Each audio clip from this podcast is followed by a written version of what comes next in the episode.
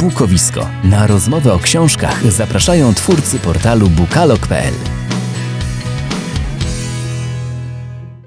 Dzień dobry lub też dobry wieczór, w zależności od tego, o jakiej porze dnia lub nocy słuchacie tego podcastu.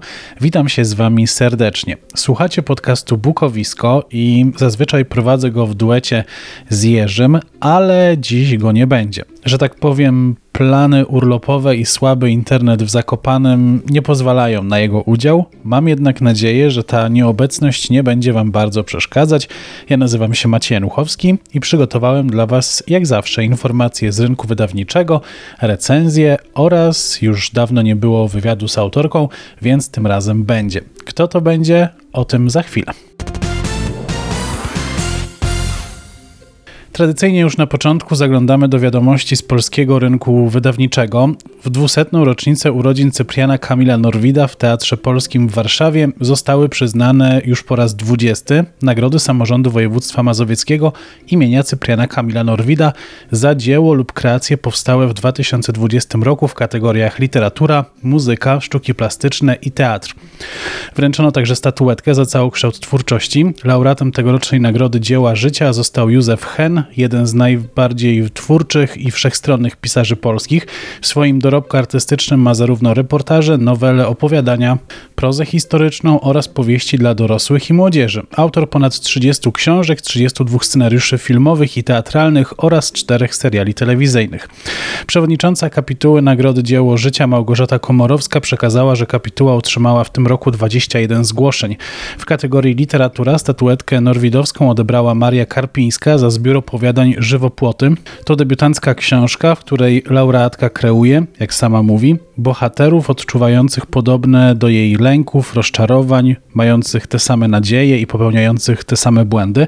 Odnajduje w nich samą siebie, własne niezrealizowane scenariusze i wybory, na które nie starczyło jej odwagi. Laureaci otrzymali nagrody pieniężne w wysokości 25 tysięcy złotych, a w przypadku laureata Nagrody Dzieło Życia było to 30 tysięcy. Nominowani do nagrody wyróżnieni zostali imiennym medalem okolicznościowym oraz nagrodą pieniężną w wysokości 5 tysięcy złotych. W środę 29 września o godzinie 11 na Placu Zamkowym w Warszawie Fundacja Ekologiczna Arka startuje z ogólnopolską akcją Książka za drzewo, która łączy tematykę ekologiczną z promocją książek i czytelnictwa. Celem naszej akcji jest nauka szacunku do książek i promocja czytelnictwa połączone z niezwykle ważną ideą sadzenia drzew, mówi Wojciech Owczarz, prezes Fundacji Arka i pomysłodawca akcji. W czasie trwania nowej ogólnopolskiej akcji za każde posadzone drzewo będzie można otrzymać książkę. Natomiast wszystkie książki zostaną wcześniej zebrane podczas specjalnych zbiórek książek używanych, które odbędą się w całym kraju dzięki wcześniejszym działaniom Arki, które doprowadziły do posadzenia drzew podczas warszawskiej inauguracji. Przeznaczono do rozdania dla uczestników ponad 100 książek. Jednocześnie startuje system wyboru i rezerwacji książek za posadzone wcześniej drzewa. Każdy uczestnik akcji będzie mógł wpisać posadzone drzewo lub drzewa na stronie książkazadrzewo.pl. Dzięki działającej na stronie interaktywnej mapie Polski będzie można zobaczyć, gdzie dokładnie dokładnie znajduje się nowe drzewo. W zamian za posadzenie uczestnik otrzyma książkę z. Tak drugiej ręki, która pochodzić będzie od osoby, która wcześniej odda swoją książkę. 14 października w trakcie 24 Międzynarodowych Targów Książki w Krakowie wręczona zostanie nagroda imienia Jana Długosza za najlepszą książkę naukową bądź popularno-naukową z dziedziny humanistyki wydaną w 2020 roku. Do nagrody nominowani zostali Jakub Banasiak, Wika Filipowicz, Tomasz Kitzwalter, Iwona Lindstend, Anna Marciniak-Kaiser, Zbigniew Mencel, Jerzy Włochmański, Miłosz Stelmach i Przemysław Urbańczyk. Do tegorocznego konkursu zgłoszono 38 publikacji. Zwycięzca otrzyma 30 tysięcy złotych oraz statuetkę wykonaną przez profesora Bronisława Chromego. Międzynarodowe Targi Książki w Krakowie odbędą się od 14 do 17 października w przestrzeniach stacjonarnej i wirtualnej, a ich hasłem przewodnim będzie cytat z książki Stanisława Lema Człowiek żyje zmianą. Dziewczyna z fotografii to propozycja od Anny Olszewskiej i wydawnictwa Zyski Spółka, której recenzję do tego wydania podcastu Bukowisko dla Was przygotowałem. Jest to obyczajówka, która przeniesie was do Paryża, ludzkich namiętności i miłości, a także świata marzeń.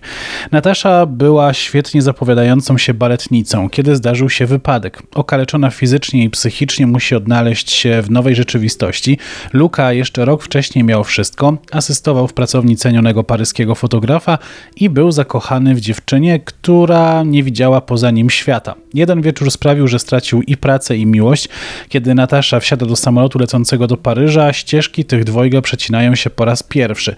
Wszystko wskazuje na to, że to jedynie przelotna znajomość, ale los chce inaczej. W paryskim mieszkaniu Natasza znajduje list stanowiący zaproszenie do gry, w którą grała z rodzicami w każdą urodzinę. Natasza podejmuje wyzwanie i przemierza miasto w poszukiwaniu kolejnych wskazówek. W jednym z miejsc, w których rodzice pozostawili kolejną kopertę, Natasza ponownie spotyka Lukę. Anna Olszewska sprytnie łączy wątki bohaterów, ich drogi krzyżują się za sprawą miejsc i ludzi. Bez wątpienia dzięki tym zbiegom okoliczności Natasza i Luka mogą się częściej spotykać, a co za tym idzie budować swoją relację. Nie jest to łatwe, gdyż oboje posiadają bogaty, ale nie lekki bagaż w postaci życiowego doświadczenia. Oboje przeżyli trudne chwile, a historie z nimi związane jeszcze nie zostały zakończone co oznacza, że wpływają na ich aktualne życie. Jednak w duecie całkiem nieźle idzie im wychodzenie z tych traum, choć łatwo nie będzie i łatwe to nie jest. Głównie za sprawą osób z przeszłości, które ciągle mają wpływ na Nataszę i Lukę. Autorka postanowiła mocno doświadczyć swoich bohaterów. Musieli w przeszłości przeżyć coś, co ich załamało. Natasza z jednej strony wydaje się wyniosłą, a z drugiej bardzo ciepłą osobą. Trzyma dystans i nie lubi dotyku obcych. Jeżeli ktoś ją atakuje, potrafi się odgryźć, celnie wymierzyć ripostę. Wydaje się być trochę zagubioną w życiu, choć teoretycznie ma określony cel.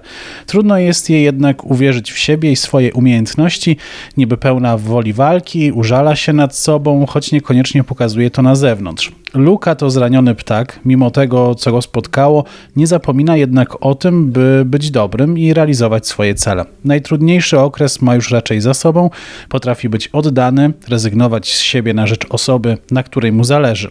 Luka jest człowiekiem, który pracuje z pasją i jest sumienny w tym, co robi. Anna Olszewska w książce Dziewczyna z fotografii funduje czytelnikom ciekawie rodzącą się miłość pomiędzy dwojgiem bohaterów. Można powiedzieć, że wszystko z nimi związane dzieje się powoli i w dość spokojny sposób. Nie ma tu wielkich uniesień i szaleńczych emocji, choć oboje nie są już studentami czy licealistami, to jednak trochę tego szaleństwa uczuć by się przydało. Choć nie mamy prawa do narzekania, bo sposób, w jaki zostały opisane narodziny miłości jest subtelny i romantyczny. Narracja prowadzona jest przemiennie przez bohaterów. Czasem wątki częściowo się pokrywają i uzupełniają, a czasem jedno prowadzi nas do historii, która będzie miała swój finał w relacji drugiego. Dziewczyna z fotografii to ciekawa propozycja z literatury obyczajowej. Było to moje pierwsze spotkanie z twórczością Anny Olszewskiej i określiłbym je jako całkiem niezłe. Spokojna, ale jednocześnie interesująca fabuła jest dobrą propozycją na kilka wieczorów, bo książkę można spokojnie czytać na raty. To doskonała propozycja dla tych, którzy poza wątkami romantycznymi szukają również bogatych historii związanych z bohaterami i ich przeszłością, a jednocześnie walczących o przyszłość, swoje marzenia i pragnienia. Nie zabraknie podczas lektury odkrywania słabości u głównych postaci, ich lęków czy traum, ale i pasji, dążenia do realizacji celów i spokoju ducha. Z autorką udało mi się porozmawiać i zapraszam Was do wysłuchania rozmowy właśnie teraz. Mam nadzieję, że to będzie jedna z przyjemniejszych rozmów, którą Wy będziecie mieli okazję wysłuchać tej jesieni, bo właśnie ta niby najbardziej najlepsza pora roku dla czytelników właśnie nastała. E, dziś e, moją i Państwa, Waszą gościnią jest Anna Olszewska. Dzień dobry. Dzień dobry. Myślę, że kilka osób e, może sobie pomyśleć, kim jest pani Anna. A pani Anna debiutowała jedną książką Irlandzka piosenka? Moja irlandzka piosenka, tak. Kiedy to Trzy lata temu, w 2018, zdecydowało się mnie wydać Nowares jako debiutanta. I co wtedy pani poczuła? No, uskrzydliło mnie to, szczególnie, że e, powiem szczerze, że moja irlandzka piosenka, jak to zwykle bywa z pierwszymi książkami, napisała się trochę sama i była jakby zupełnie taka. Napisałam, wysłałam do wydawnictw, a wcześniej czytałam się tym o tym, że, że tak nie liczyłam na zbyt wiele i faktycznie parę tych odpowiedzi przyszło, wtedy wybrałam Nowares. No, byłam bardzo zaskoczona tym, że w ogóle ktoś zdecydował się poświęcić mi swój czas i przeczytać to, co udało mi się wymyślić. Zastanawiam się, co jest takiego w pisaniu książek, że e, prawnicy bardzo chętnie po to sięgają. Znaczy, bardzo chętnie, tak mi się wydaje. Mróz też jest prawnikiem. Dużo, tak. Jest też e, autorka obyczajowych, to jest nie pamiętam, Natalia Sońska, ona też jest prawniczką. Chyba pan Max Czorny też jest Tak. e, prawnikiem, zdaje się, ale głowy uciąć nie. Więc co ciągnie prawników do tego, żeby pisać? Ja myślę, że na prawo idą ludzie, którzy generalnie mają pióro, bo bez e, umiejętności pisania e, i takiego sprawnego warsztatu pisarskiego, no nie dalibyśmy rady chociażby skonstruować e, pism procesowych, więc myślę, że na pewno prawnicy mają predyspozycję do tego, żeby pisać. Natomiast co ich ciągnie do pisania fabuły, to nie mam pojęcia. I co ich ciągnie do tego, żeby. Ja, ja trochę mówię tak, że ja już miałam dosyć trzymania się faktów. I, zdecydowanie e, uznałam, że wolę zmyślać niż, e, że tak powiem, stricte pisać tak, jak było. Także e, myślę, że może, może to jest kwestia tego, że e, właśnie e, trochę nas wyobraźnia już wzywa i, i chcemy coś pozmyśleć.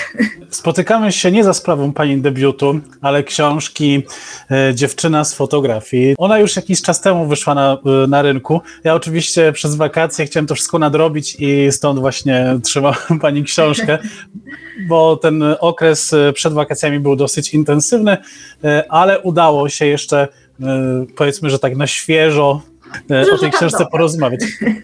I patrząc na pani debiut i na tą książkę, zastanawiam się, dlaczego tak bardzo panią ciągnie za granicę.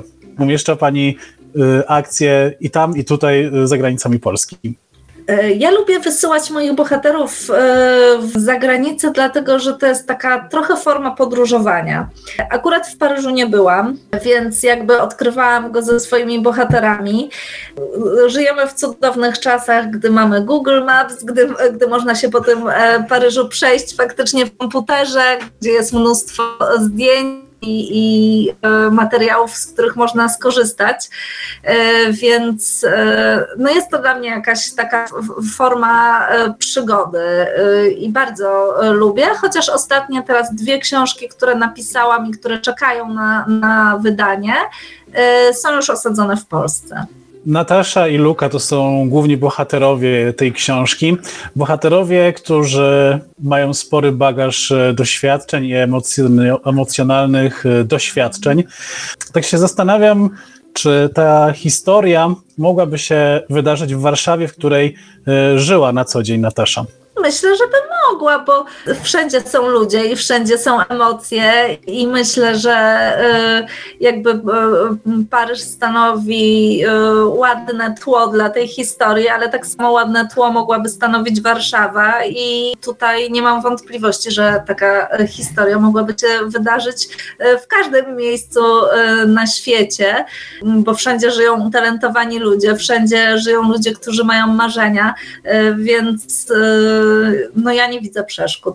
Powiedziała Pani o tym, że zaczęła Pani pisać, bo Pani lubi wymyślać. Tak, to nie jest dosłownie. Ile musiała Pani się nawymyślać w tej książce?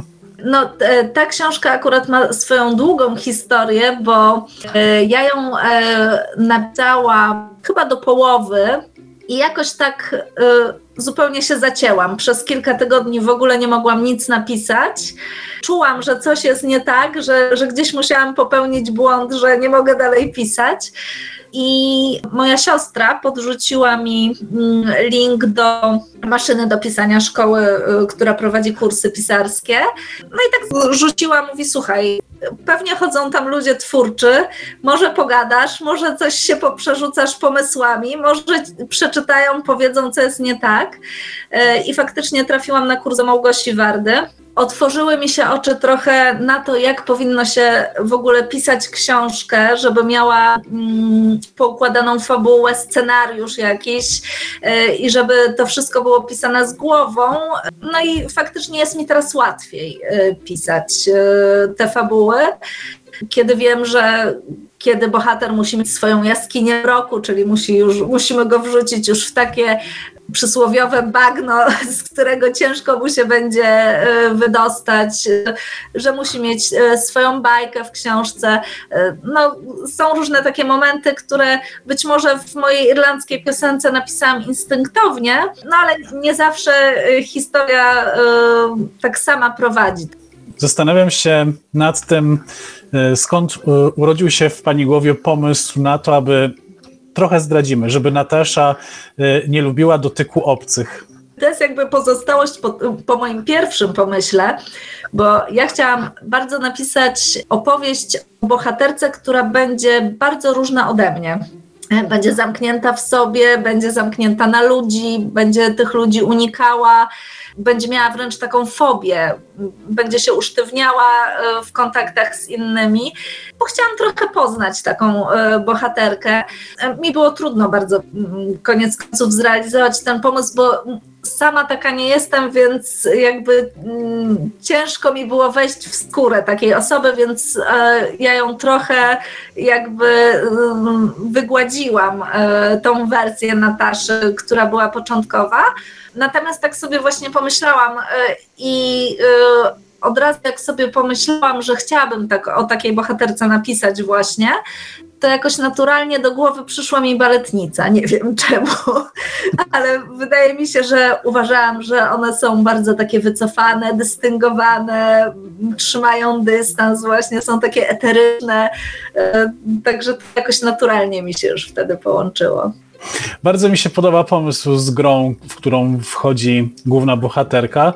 Taki powrót do dzieciństwa i też trochę bardziej poznajemy tych, których e, nie mieliśmy okazji poznać.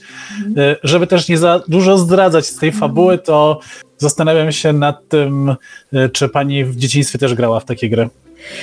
Ja nie grałam w takie gry w dzieciństwie, ale gram w takie gry z moimi dziećmi.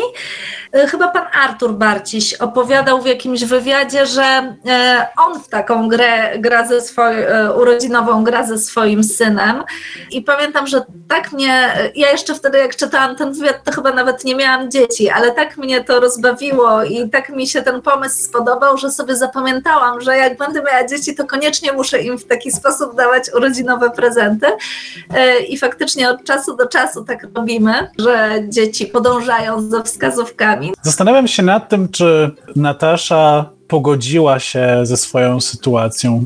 Myślę, że zajęło jej to dużo czasu i myślę, że musiała to w sobie bardzo przepracować. I myślę, że gdyby nie spotkała właściwych ludzi na swojej drodze, którzy jakby mm, oswoili ją z różnymi kwestiami, to nie pogodziłaby się z tą sytuacją. Natomiast e, myślę, że e, cała rodzina Luki, bo nie tylko Luka, ale cała jego rodzina, potrafiła ją otworzyć e, na coś innego ona, niż to, czego ona się trzymała kurczowo do tej pory. Tak? Dla niej była ważna kariera, dla niej był ważny taniec, dla niej było wszystko to, co wiązało się z byciem na scenie. Mm, i nie wyobrażała sobie innego życia i też nie wyobrażała sobie tego, że można być niedoskonałym. To być mhm. może y, to też wynika trochę z tego właśnie, że mm, jakiś wpływ na nią miała babcia. E, natomiast rodzina Luki i to, że ona ich spotkała i poznała, i ta ich taka niedoskonałość, ale też takie e, to, że oni się świetnie czują w tej swojej niedoskonałości i, i akceptują e, to w siebie nawzajem, no myślę, że jej pomogło, tak? Był to obszerny fragment wywiadu z Anną Olszewską, a całość znajdziecie w wersji wideo już jutro na portalu bukalog.pl. To wszystko w tym wydaniu podcastu. W związku z tym, że jest to 60 odcinek, to przed kolejną serią 10 robimy sobie tygodniową przerwę i wracamy do Was już wtedy razem z Jerzem 12 października. Dobrej i zaczytanej jesieni. Do usłyszenia Maciej Januchowski. Podcast Bukowisko znajdziesz na YouTubie, Spotify, Google Podcast i Apple Podcast.